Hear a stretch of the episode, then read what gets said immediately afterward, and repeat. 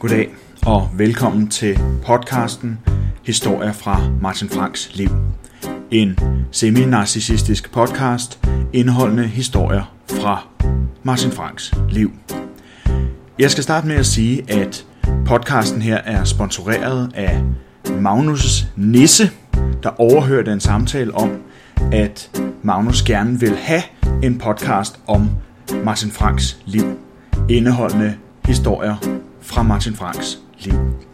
Og her på dag 2 er I blevet lovet en historie om, hvordan en julefrokost på Bahamas gik helt galt. Og helt galt er jo en subjektiv vurdering, det er jeg med på. Men for en person som mig, som godt kan lide at have nogenlunde overvejende styr på situationer, jeg involverer mig selv i, så var det her en situation, der gik helt galt. Vi er i det herrens år 2014. Mastodonterne spiller hot og det er en forestilling, jeg ikke har hørt om før. Sorry. Vi er i det herrens år 2014. Mastodonterne spiller Hodja fra Pjort, og Martin Frank bor og arbejder i USA.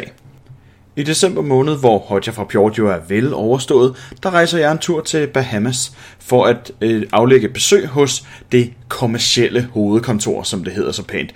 Det betyder basalt set bare, at selve kontoret kun består af ejeren og grundlæggeren af virksomheden, hans søn, og tre bahamianske accounting-medarbejdere, der står for deres private finanser. Det er basalt set alt, hvad virksomheden øh, kan byde på på det kontor. Det vil sige, at det eneste, jeg egentlig skulle gøre, det var at lige sørge for, at deres computer var lækre, at netværket kørte, at de kunne komme på nettet, og at det hele var nyt og flot og lækkert. Udover det skulle jeg bare nyde, at der var 30 grader hver dag i december, og jeg kunne spise sushi til frokost. Og den her tur kulminerer i den her julefrokost, der foregår dagen inden jeg skal rejse tilbage til øh, New York. Og jeg skal ikke bare rejse tilbage til New York, jeg skal faktisk rejse tilbage til Danmark, hvor jeg skal påbegynde min egen juleferie. Så vi snakker den 21. eller 22. december Øh, at, at den her julefrokost øh, foregår. Den foregår på Lille Fort, hvor der bliver serveret en masse god mad, og det er dejligt, og vi får, lad os sige, noget vin til maden. Da, da vi er færdige med at spise, og jeg tænker, nå, det er fint, nu skal jeg tilbage til hotellet, så jeg kan få pakket lidt og, øh, og gjort klar til, at min flyver letter dagen efter klokken 10 om formiddagen, så jeg skulle være i lufthavnen klokken 8. Der bliver jeg inviteret ned øh, til stranden. Og det, øh, det er ikke normalt for en dansker at blive inviteret til stranden, når man er i gang med en julefrokost, eller faktisk for, forsøger at afslutte en julefrokost. Men øh, på Bahamas er situationen en lille bit smule anderledes. For jeg bliver budt på en meget kølig mojito i, øh, i den her øh, 30 graders hede, nede på en fuldstændig kridhvid sandstrand. Og det kan man jo ikke sige nej til. Så jeg bliver nødt til at gå ned til, øh, til den her strand, som viser sig at være et lille stykke strand, som de ejer af, øh, af den her kæmpe, kæmpe strand. Så der er ikke nogen mennesker overhovedet. Der er kun os. Der er nogen, der står på vandski og noget forskelligt noget ude i vandet, men ellers så er der kun os. Så har de øh, lavet en lille palmebar, hvor der så står en, en bartender og shaker nogle, nogle drinks til os. Så jeg får altså et øh, par stykker Mohi Der er nok, jeg er ikke helt sikker på, hvor mange. Der er nogle, nogle mojitos. Vi får nogle drinks på stranden. Og det er dejligt, og det er varmt, og man sveder, og øh, maden forsvinder hurtigt. Og øh, lad os sige, at virkningen af alkohol ikke fordamper vanvittigt hurtigt der. Og øh, den ene drink tager lidt den næste, og vi bliver lidt... Vi, vi har det sjovt på denne, øh, på denne øh, øh centran. På et tidspunkt, der bliver jeg så spurgt, om jeg nogensinde har været på Atlantis. Og der bliver ikke refereret til det forsvundne rige på bunden af Atlanterhavet, der bliver refereret til det absolut største og mest luksuriøse resort, som ligger i Nassau, altså på Bahamas. Det her er altså et, et kæmpe resort, som, som øh, alle krydstogsskibene lægger til, og som, som huser et øh, casino, omkring 2.000 værelser, altså hotelværelser, øh, fire indendørs pools, tre laguner udendørs, en mindre regnskov, en, øh, et, et akvarium, der kan få den blå planet til at ligne en øh, fiskehobbyhandler fra Jøring. Og så indeholder det intet mindre end 15 bar placeret på forskellige etager. Og det korte svar fra min side, hvis vi lige skal vende tilbage til spørgsmålet, om jeg nogensinde havde set det, var, øh nej, det har jeg ikke. Og der tændes en ild, altså en flamme af excitement og entusiasme i øjnene på øh, Irons søn, som synes, at det er bare den bedste fest. Det skal vi, det, der skal vi hen. Det skal vi simpelthen opleve. Og her forsøger jeg lige at være en lidt service-minded gentleman, lad os kalde det det, og tilbyder at bestille en taxa. Det bliver høfligt afvist, og jeg bliver gjort opmærksom på noget, der chokerer mig ret meget. Nemlig, at der på Bahamas ikke er nogen spritkørselslovgivning. Det vil sige, at man kan altså være lige så sprit, stiv, bankelam, man har lyst til, og stadig køre bil. Det var ikke lige noget, jeg som dansker synes, jeg lige var klar til at forholde mig til. Men det virkede som om, at de mere lokale danskere overhovedet ikke havde problem med det.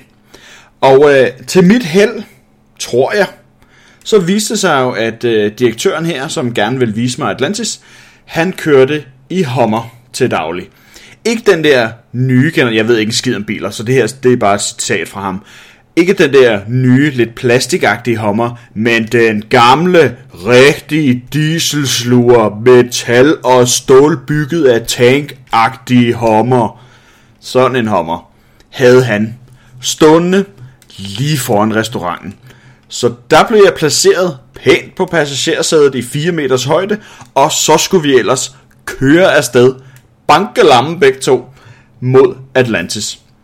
Ikke umiddelbart en situation, jeg var øh, 100% forberedt på, vil jeg sige. Så det kommer selvfølgelig heller ikke til nogens overraskelse, at jeg heller ikke var 100% forberedt på den situation, jeg nu blev stillet i. Nemlig spørgsmålet, øh, hvad for noget musik hører du? Og hvad svarer man til, altså det, det, det her var min chefs, chefs, chefs, chef. Hvad, hvad skal man svare? Jeg var sådan lidt, det ved jeg ikke. Jeg hører hvad som helst. Haha, øh, alt muligt, meget blandet. Og øh, det viser sig, at han var meget engageret inden for det, der hedder heavy metal. Og spørger, om jeg hører dødsmetal. Øh, ja, for jeg er fremstammet til trods for, at jeg aldrig har hørt et eneste fuldt nummer af dødsmetal. Men det er fint. Det er der, vi er. Det er nu situationen. Jeg kan ikke tænke klart alligevel, så jeg har sådan accepteret min skæbne. Han bliver meget entusiastisk omkring, at jeg selvfølgelig hører masser af dødsmetal, og fyrer volumen op på max. Han blæser simpelthen panserskjoldet af den her hommer af dødsmetal, der bare fyrer gennem højtalerne. Fuldstændig uhemmet musik. Og så tager han ellers fat i rettet og begynder at køre derudad. Heldigvis for folk, der gerne vil have mig af vejen, så er vejen mellem der, hvor vi spiste, og så hotellet, sådan en øh, meget, meget høj øh, skrant, hvor man kører lige på kanten af nogle meget zigzaggede veje, og så er der 20 meter ned til havet, så man kan øh, måske være lidt i tvivl, om man vil dø af faldet, af stenene, af drukne, eller af måske af tinnitus. Man ved det aldrig. Men det er altså, vi, vi kører altså øh, øh, godt til. Jeg har ingen idé om, hvor hurtigt.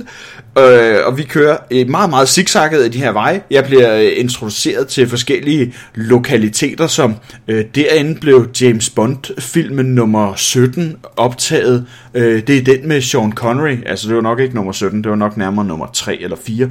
Men hvorom alting er, jeg har kun én ting i hovedet, og det er Nå, men det var så det.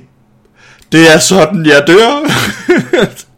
og jeg har fået så meget alkohol, at jeg åbenbart er fuldstændig afklaret med det. Det er jeg ikke helt sikker på, at jeg ville være, hvis jeg var ædru. Men jeg er fuldstændig afklaret med, at jeg selvfølgelig skal dø.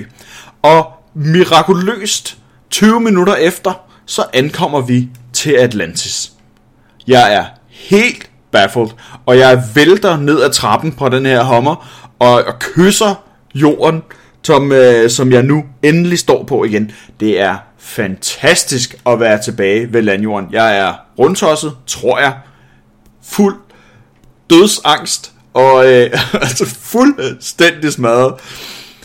Og det ender selvfølgelig med, at vi skal tjekke nogle af de her barer ud.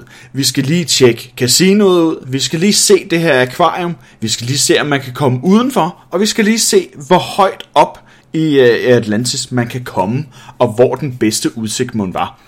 Og øh, da vi er færdige med det, så er klokken rigtig, rigtig mange. Klokken, øh, jeg ved ikke helt, hvor mange klokken er. Klokken er tæt på 4, og jeg har fuldstændig glemt, at mit fly flyver klokken 10, og jeg skal være i lufthavnen klokken 8.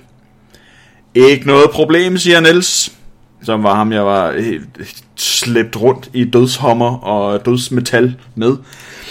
Ikke noget problem. Jeg får bare nogle af mine venner til at hente dig på hotellet. Det er åbenbart løsningen på alt. Fordi klart, jeg kan sove i fire timer, være pisse stank Bacardi, og så nå det til lufthavnen. Og jeg ved ikke hvordan, men det kunne jeg. Jeg dukkede op nede i receptionen på hotellet, blev fik tjekket ud, blev hentet og øh, blev kørt i lufthavnen og var der tidsnok til at kunne nå min flyver tilbage til New York. Her var det så, øh, det næste gik galt. For, for en ting er, at jeg kun havde sovet i fire timer. Det næste er, at flyveturen fra Nassau til New York er omkring 7-8 timer. Det er pænt meget, når du ikke kan sove i et fly. Det er rigtig meget, når du i forvejen ikke lige har nået i bad. For det havde jeg simpelthen ikke overskud til den morgen. Men heldigvis så var hvad hedder det, flyveturen til New York jo egentlig bare første halvdel. Jeg skulle også fra New York til København, som er endnu en flyvetur på 8 stive timer. Så jeg er altså fløjet i 16 timer for at nå tilbage til København den 23 holde juletamtam med hele min familie, som var samlet og hentede mig i lufthavnen, hvor var det dejligt. På det tidspunkt, der lugtede jeg simpelthen så voldsomt meget af råden gnu, at sædet var ætset væk. Jeg kunne have svømmet gennem kloakken tilbage og kommet frem renere, end da jeg gik ud for at hente min bagage i Terminal 3 i København. Fy for en skefuld, hvor var det frygteligt. Og så endurede jeg lige fire timers lækker julehygge, inden jeg kom hjem og blev marineret i klorvand, for at være bare nogenlunde klar til dagen efter. Og min frygtelige fysiske tilstand var ingenting sammenlignet med, hvordan mit hoved havde det på det tidspunkt. Mit tømmermandsramte, jetlagt, flyvesyge og fuldstændig bekvalmede kranie har aldrig nogensinde haft det så dårligt, som da jeg landede i Københavns Lufthavn lille juleaften 2014.